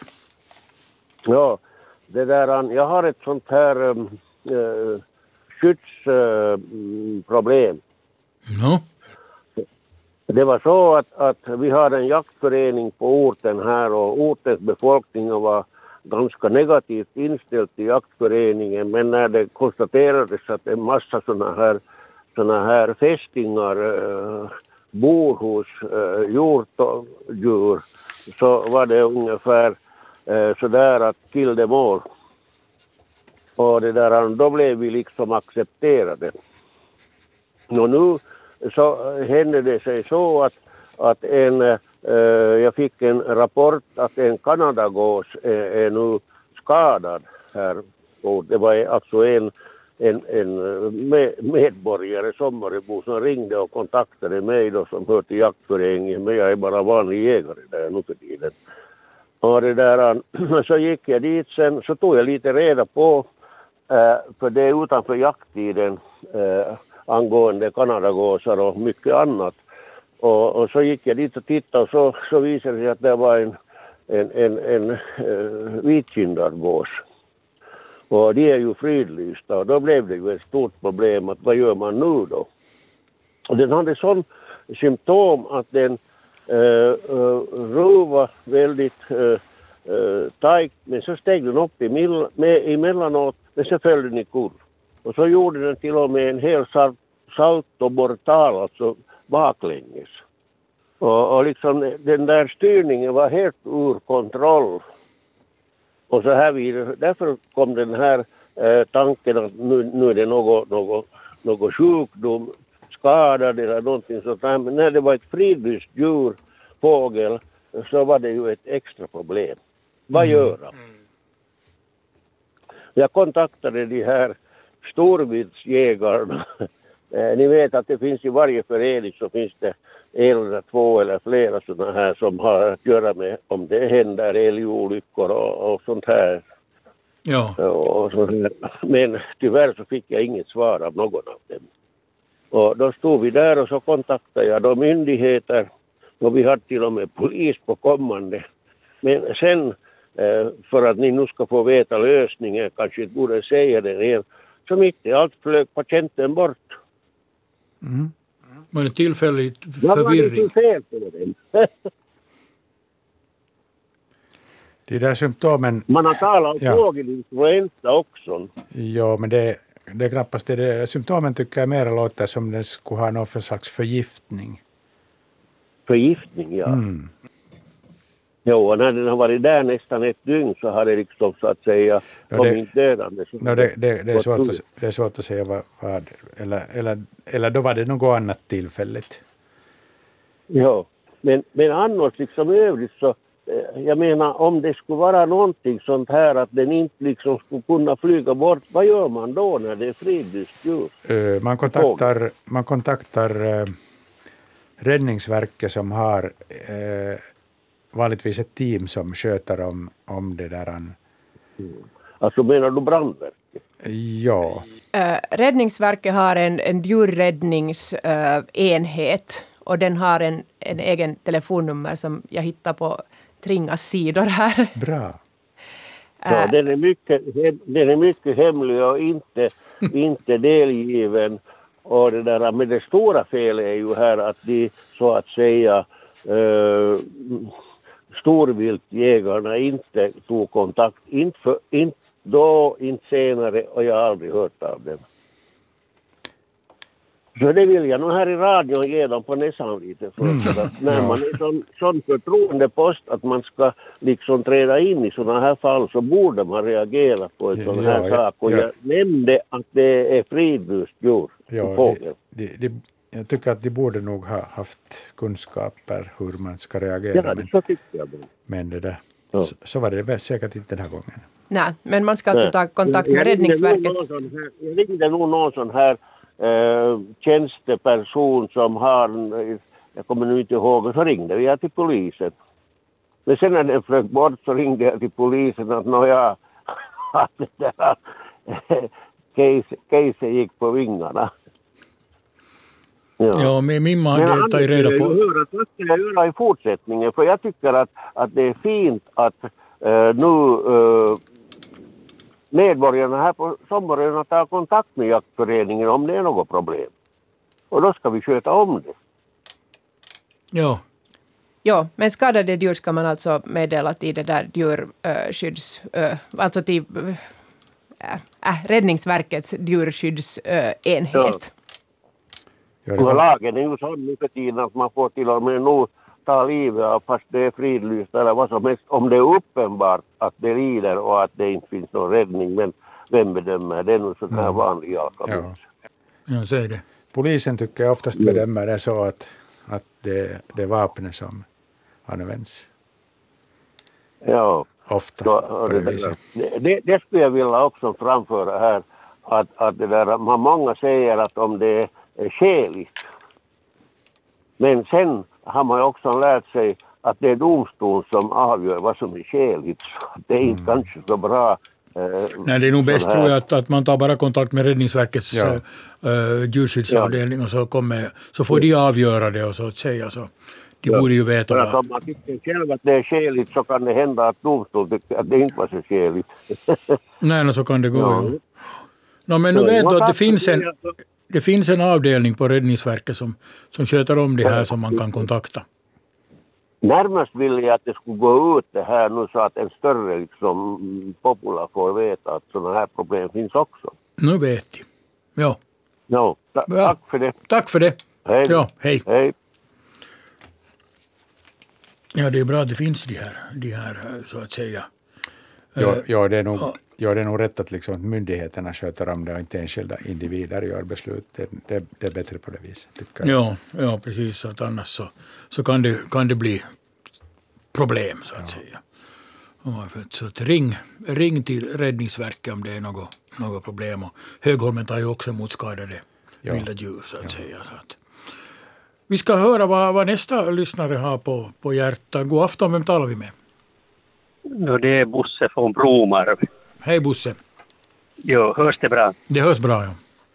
Jo, alltså vi har ett sådant problem att det där vi har planterat för ett år sedan tall på ungefär tre hektar på en sån här grusås och nu har det varit snytbaggar som har i princip då gnagat liksom den här barken på de här plantorna liksom vid marken ungefär fast det är markberättat där är öppen mark och de borde ha sån där cellskräck och inte komma till plantorna. Men, men vi vill veta att vem är liksom deras naturliga fiender och hur de ser ut. Det är fråga ett. Fråga två gäller då alltså det är då gran och tall, barkborrar som kommer alltså från färs, via färskt virke eller på annat sätt och då antastar, ska vi säga, svaga träd och kanske sen lite mera träd som finns också i östra Nyland, ganska stora skador att eh, vem är liksom deras naturliga fiender och hur ser de ut? Att vi har en uppfattning om att det borde vara gamla stammar som finns så att säga som är sen andra året att då, då kommer de där fienden liksom lite för sent. Att två frågor. Snytbaggar och barkborrars fiender och hur de ser ut. Har vi aning om det då? Uh, no, no, alltså granbarkborrar de går ju på, på helt nyligen döda träd. Så om det finns jättemycket eller, äh, av, av nyligen döda träd, så då, då blir det mycket barkborrar också och då kan det komma mycket, äh, då kan de gå på levande träd också. Men sen om några år tar det slut. Men Ja, har de några naturliga fiender? No, det är väl fåglar närmast. Hur skulle det vara med slämbaggar? Uh, nu, jag tror nu vi vet, tangerar dem lite. vad sa du, sländ? Slembaggar. Jag tyckte att du talade om slämbaggar här lite tidigare, eller var det något andra liknande? Att är det liksom, tar, tar det liksom koll på de här barkborrarna? Jag har, Tall och gran? eh, jag, jag har inte talat om slembaggar, jag vet inte vad slembaggar är. Jaha. Men det, där, det finns ju alltså parasitsteklar, men jag vet inte om parasitsteklar går i barkborrslarver. Aha. Men det är nog främst Ja. kanske fåglar då som, som livnär sig på dem. Då. Men, Så- men parasitsteklar är nog en, en bra sån där biologisk bekämpare, men jag, jag har inte faktiskt läst om några specifika skador. Ja. Alltså, vad, ska man ha, vad ska man ha då för omgivning för att få de där steklarna dit? för att locka dem. Uh, no, alltså, alltså bark, barkborrsangrepp brukar gå om eftersom de vill ha då nyligen döda träd. Och sen när de där träden inte är nyligen döda så då går dit inte granbarkborrar. Eh, men de gick alltså nu på dina nyplanterade träd också, eller? Nej, det, här, det var två sidor. Den där första frågan gällde snytbaggar. Det heter väl inte snutbaggar utan snytbaggar. Det heter Det snytbaggar, gäller ja. plantor, men de här barkborrarna alltså, de går på, de går på liksom, de kan vara riktigt skadliga. Det kommer liksom efter en avverkning så kan det vara att de, de hinner liksom sätta en population igång och, och, hinner kanske då liksom angripa förlevande träd. Att det finns ju i skogslagen bestämmelser att man inom vissa är det senaste, sista juni och sista juli ska först gran, granvirke bort och sen tallvirke bort just för den här saken skull. Ja, det, det är ju nog den, det bästa sättet att helt enkelt städa bort det därifrån. För då har de inte någonstans att, att gå och bli så många att de skulle angripa också sådana här levande träd. Och just efter en avverkning så blir de här eh, så blir det ju de träd som blir på kanten, så de får plötsligt en massa solljus när de inte är vana vid det. Och då kan åtminstone delar av dem dö, eller så torkar de mycket lättare. Och, och då är de också utsatta för de här angreppen på ett helt annat sätt. Ja, ja. Och hur är det sen med de här snytbaggarna som då, som då alltså gick på, på det där tallplantor, alltså sådana under ett års planterade? Finns det några naturliga insektfiender på dem? I- jag, jag känner inte till någon naturlig bekämpning för det. Tyvärr, det skulle ju Ja. vara det fiffigaste sättet. Ja, den här skogshygienen kallas den inom Forst, Forstinstitut Novia liksom har skolning på det här men att, att, att de, de här skogsbruksingenjörerna är inte riktigt specialister så det är kanske, kanske sådana här insektforskare som ni kanske skulle veta någonting om. Eh, SLU i Sverige har, har information om, om snytbagge och plantskydd. Var det så att den heter snytbagge och inte snyltbagge? Den heter snytbagge för den har ett snyte. Ja. Ja. Vad Den- betyder snyte då? Den, den har en sån här, som en liten utstående nos. Aha, en näsa. Ja, Men det är grekisk näsa då? du vet, nu ska du få... ja. och sen kommer antennerna ju från den, här, från den här nosen, men det är den som har gett den dens namn. Aha, just så ja. ja. Vad Svensk, sa du att SLU is- Svenskt lantbruksinstitut har, har information om det här snytbaggar, för de har projekt som handlar om det. Ja, Men jag har inte läst mig in på dem. Speciella, speciella insektforskare som är specialiserade på den här forskliga sidan, liksom, ska vi säga ekonomi i skogssidan liksom, och deras, deras så att säga, ska vi säga, biodiversitet. Det, det forskas, forskas i sånt här och nu, nu hittar jag alltså att de på SLU, eh, Svenskt lantbruksinstitut, skulle ha forskning om det här, så det lönar sig att, att leta på deras sidor. Ja, hur är det med den där LUKE som är, liksom, det heter på svenska? Naturresursinstitutet, jag vet Ja, inte om de har forskning om det här. Men i Sverige har de tydligen forskat i det, så du kan ju googla fram. Snytbagge.slu.se Ja, Finland ska ju vara i princip en sån här i, i, i, i det där toppen av de här skogsländerna så att säga, så man tycker ju att, att, att en sån här insektforskning liksom mot skade, skadeinsekter skulle kunna vara liksom högprioriterad. Ja, jag skulle faktiskt kunna leta lite om jag skulle hitta om det finns sån. Men det tar mig ett ögonblick, så det får jag inte i sändningen. Nej, nej, nästa torsdag lyssnar jag nog att om du svarar nästa, efter en vecka så då är jag nog lyssna. Det skulle jag kunna göra. Jag, jag ska ta reda på. Ja, Mimma är här nästa vecka ja, och också. gärna i, bör, i början av programmet. ja. det går till Hasse. Vi ska se om vi kommer ihåg. Ja. Vi kommer ja, ihåg. Alltså det gäller, frågorna är närmast snytbaggarnas naturliga fiender och sen barkborrarnas naturliga fiender och vad de ska ha för biotop ungefär för ja. att liksom man ska få den Att min uppfattning själv är den att jag känner egentligen inte så mycket till, jag har nog varit på sådana här vuxenkurser på på Novia liksom alltid då och då och sånt här men, men vi är inte så bra på den här skogshygienen. Men sen barkborrarna så där tycker jag att, att det har kommit fram att det är någon form av slämbaggar som är liksom, och då kommer andra året, alltså då på gammalt virke och då antastar de det här de här barkborrarna med liksom ett år för sent. Så att därför ska man i princip ha gammalt virke i skogen och inte liksom städa upp alla vindfällen. Ja, precis. No, men vi ser vad, vad, Mimma, kommer, vad Mimma kommer fram till ja. och så lyssnar du nästa vecka så ser vi om, ja. vi, om vi kan ge ett svar. Ja, det är det. Om, man har mycket, ja, om man har mycket vindfällen, det finns ju gränser för hur mycket man kan ha, så då är det problem det första året. Ja. För då, finns det, då har man ingen liksom försvar. Men andra året... Det är lite då, ja. sån där, det är sån där då liksom Sovjet och vinterkriget i Finland. Precis. Ja. Men, men det, det, är alltså uttryckligen granbarkborren som går på de här, som också kan angripa färska träd, men det är bara om det finns då tillräckligt med, med virke för den att, att föröka sig i. Jo, men efter, det, gäller också, det gäller också tallbarkborrar, det finns både och. Men det finns många sorters barkborrar och, och de flesta ska ha betydligt äldre död ved, så sen när det har gått något år så är det inte mera ett problem. Aha, okej. Okay. Men precis. Jag tackar och bockar. Tackar och bockar. Ja. Uh, ha en fortsatt trevlig kväll. Ja, ja. tack. Hej, ja, hej. hej. Vi tar genast in nästa samtal. God afton, vem talar vi med? God afton, god afton. Här Kalle här från Lovisa. Hej Kalle. Hejsan. Hörde en sån för två veckor sedan var jag ute och gå med min hund som jag nu också är ute. Vi är faktiskt ute nu också, ganska nära samma plats. Så det där kom, det, en, jag tror först det var en råtta som kom emot ut från, från eh, där växte gammal skog på, eh, liksom på ena sidan. Det var en liten ekorrunge.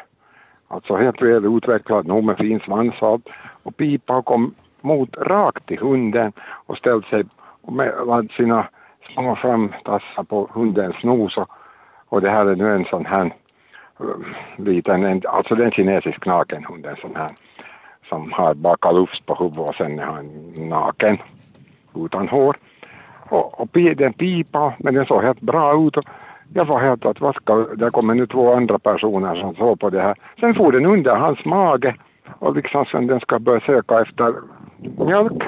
Men han var ju fel kön för det första, den här hunden. Att vad, vad, vad var det det berodde på?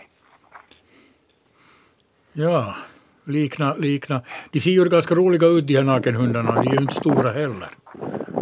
Nej, men han är nog en, han är av sin, sin ras så är han nog stor, han är ganska stor nog igen. Den här rymdes helt dit under honom, den här ekorrungen. Och han tittade och dit, vad håller du dit på med? Och där pipade den åt oss och jag tog bort det där ekorren därifrån under honom och, och det där och sen den klättrade hastigt upp på min axel och ner med ryggen och så for den ner med inte for ingenstans, den skulle bara komma efter oss och det där, jag fick då bort dribbla på något sätt och for hem. Och så, så det där, så sen så, så det där, så berättade åt grannen och vi for tillbaka. Vi hade, hon tog vatten med och det där och, och, och någon vad hon tog och vi for till.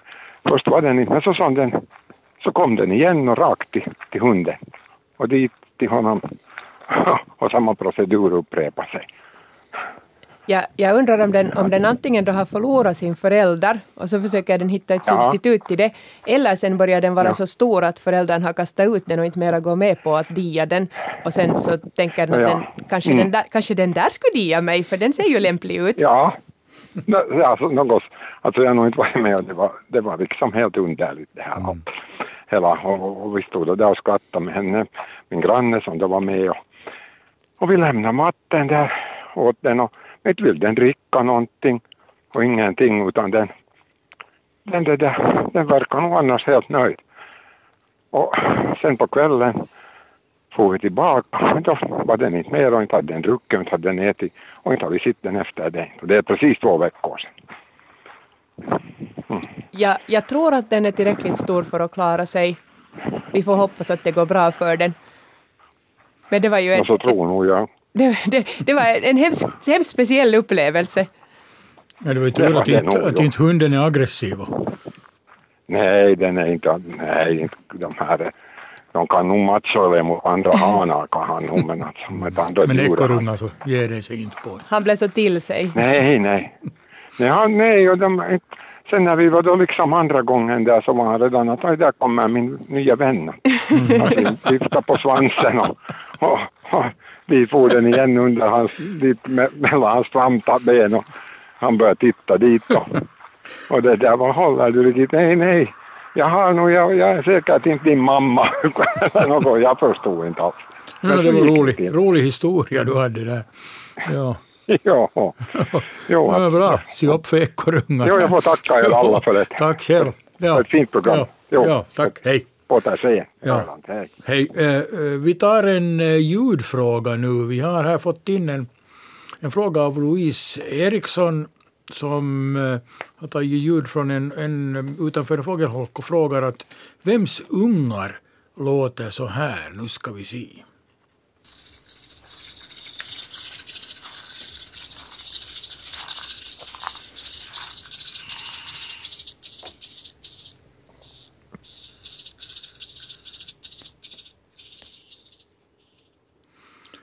Ja, vet vi alls eller låter alla unga likadant? Nej, de låter, alla låter olika. Det här låter inte som en fågel. Inte. Ja, Jag vad skulle du säga att det det? kunde vara fladdermöss. Jag misstänker, men jag kan inte fladdermöss. Misstänker fladdermöss. Jaha, det var intressant. Mm, jag kan inte dem så bra dem, så att jag kan inte säga något mera. Men, Men i fågel tycker du inte Nej, att det var... nej. Men det var ju intressant. Fl- Vi, om vi, vi, vi tippar på ja, vi fladder, tipp, det, är, det är riktig tolkning. Vi tippar på fladdermöss. Ja, det låter ju bra. Det låter bra. Vi hinner ändå ta något samtal om ni har någonting att fråga 0611 12 eh, 13 annars går vi eh, vidare i vår eh, bildblogg. Och nu har vi, vi har gått igenom vem som äter upp alar och vem som äter upp ekar. Och, eh, nu har vi en svärmare eh, som stressar omkring den här vid, vid eh, Floxerna vid 22-tiden och det är i Helsingfors. Och det är Ann-Marie som har skickat in en bild på det här på en lila eh, blomma på Floxen. Syns en svärmare. Vad har vi för insekt på bild? Den frågeställaren gissar att det skulle vara en brunsprötad skymningssvärmare och, och, och det borde nog vara alldeles rätt artbestämt. Eh, svärmarna är ju de här, hon säger att, att den ser ut som en kolibri och, och, och det är en mycket bra iakttagelse för att de här svärmarna de beter sig precis som kolibrier. Det vill säga där var kolibrierna har lärt sig att, att stå stilla i luften och dricka nektar så har de här svärmarna lärt sig precis samma sak. De har en sån här sugsnabel som de, som de då suger nektar, nektar med. Det här eh, svärman känner man igen på att den har, har övre vingarna betydligt längre än nedre vingarna och så har den hemskt mycket eh, stjärt, eller alltså bakkroppen nu bakom dem. Så, så den är annars också äh, lätt att känna igen, men sen, sen speciellt lätt att känna igen är den när den flyger, för ingen annan flyger på det sättet. Den här har, har kännspaka färger och därför är det då den här brunsprötade skymningssvärmaren. Den, den hör till våra vanligare svärmare, men den har hemskt, hemskt vacker färg med, med sån här äh, vita ränder längs bakkroppen och sen sådana lite fläckigt ljusrött och svart på vingarna. Som vi ser här så går den på en ljusröd blomma och just den här arten ska tycka om uttryckligen röda blommor och, och, och den ses på många olika sorters röda blommor. Så då hade alltså familjens, eh, Ann-Maries familjs eh, naturvetare rätt då att det här är den här brunsprötade skymningssvärmaren som, som de har bångat här i Helsingfors. Ja, Ja, det var ju skickligt. Och nu, nu, vet, nu vet de lite mer om, om den här skymningssvärmaren också då du berättade om det. Ja. Det är bra. Vi har ett eh, samtal. God afton. Vem talar vi med? No, det är Johan Lund som ringer från Skålde, fast jag är från Helsingfors egentligen. Ja. Ja, det där, jag har inte lyssnat på alla eh, program hittills nu, eh, men har någon fråga om eh, den sena fågelsången. Jag märkte nämligen här nu att Trastar har sjungit ganska sent och igår går kväll så var jag till Drumsöfo här av han och, och, och där hörde jag en koltrast som sjöng för fullt att uh, har Jörgen någon, någon idé att håller de på med andra eller tredje kullen redan? Koltrasten, Det sjunger ja. så sent. Koltrasten håller på med tredje. Okej, just så. Att Det är så, så pass många. det som jag kallar mitt par så har just fått andra kullens ungar ut ur boet och, och den sjunger, sjunger inte så flitigt som tidigare men nu, nu och då ändå. Och Jo, ja, det är på kvällen så det hörs ju. Kvällen och morgonen och det kan nog hända Ja. att, att om den sjunger sparsamt så kan det vara att den inte gör en tredje men det är alldeles klart att det är många, många koltrastpar som gör en tredje kull och det är de som är aktiva nu. Ja. Är det den här värm, värmen eller vad är det som får Nå, dem att göra nå, en tredje kull? det jo, alltså var, var, varma sommaren så, förorsakar ju att de har, de har klarat sig ganska bra Ja, och ja. torkan inverkar inte så väldigt negativt på dem så att det där, när de klarar sig bra så har de tillräckligt med energi för att, Ja. att producera en tredje kull. Precis, jag bor själv på Drumsö, jag bor själv på Drumsö och där sjunger äh, Ja. koltrasten hela tiden. ja, jag är på en år sedan och där, där finns någon som har speciella drillar. Det är ganska spännande ljud som jag inte egentligen hört tidigare. Men, Jo, de kan, vara, de kan, ju ja. vara, de kan ju vara lite indivi- individuella i sitt sångsätt. ja, Det är ja. en fin fågel och, Mm. och jag tycker att det finns ganska mycket av dem. Ko- Mera och mera. Det verkar ja. Vi hade en, en som byggde bo här och eh, utanför eh, dörren in till, till stugan på en stock där och, och, och när vi var borta en vecka så hade de byggt ett bo där och sen lagde den och där, där värpte de och ungarna föddes och vi följde med när de växte där sen. Ja, de, allt- de brydde sig inte om Ja, det. allt gick fint. Mm. Allt gick fint och Ja. de ho- hoppade ner sen från Ja, just det. Ja, koltrasten den håller på, håller på hela sommaren. Bra, Ja. tack ska du Ja, ha. tack. Tack, Ja. tack. Ja, hej. Hej. Hej. Vi skulle kunna ännu ta en från bildbloggen kvickt, en, en fjärilfråga. Mm, det är Lindy som har skickat in den. Eh, från bilden är tagen i sjunde och 29 i sjunde. Uh, vet vi Mimma vad det är för en, en fjäril som är? Uh, ja, det här är en, en fjäril som är, är ganska ljusbrun och sen har den vita uh, ränder på, ganska tjocka vita ränder på både övre och nedre vingarna och sen det som den har som är, är hemskt tydligt är de här ögonfigurerna som den har några stycken av. Och, och det här är inte ett jättetypiskt exemplar för den här fjärilen är ofta betydligt mörkare än så här. Så det här är ett ganska gammalt exemplar, den, den är sliten och har levt länge. Och det, där, det är en, en hona av en aspskimmarfjäril. Och hanen, så den har den, den, den är faktiskt lite blå på vingarna också. Den är, den är, den är jättevacker och det är en nykomling i, i vår natur. Den har kommit först på 2000-talet. Men den håller då på att sprida sig söderifrån för det är alltså en som gynnas av att klimatet blir varmare. Precis, en, en så att säga en, en, en sliten och gammal. En sliten och gammal aspskimmarfjärilhona. Precis, då fick Ja, Lindy. man, man kan ana, ana sig också till det här att den, den har varit länge igång för den, det fattas en del av högra bakvingen. Precis som man ser att, de, Ja. att de, hur Ja. de slits ner, fjärilarna. Ja, eller det kan vara någon fågel som har försökt få tag på Ja, det. precis. Ja. Ja, bra, det var allt vad vi hann med eh, eh, den här gången. Vi är tillbaka igen nästa vecka och då är, det, då är Mimma Ekblad tillbaka som eh, expert med Anders Albrecht och skicka in frågor åt oss och lyssna på oss. Nästa, vi tackar Jörgen dig för den här gången. Ha en trevlig kväll. Hej!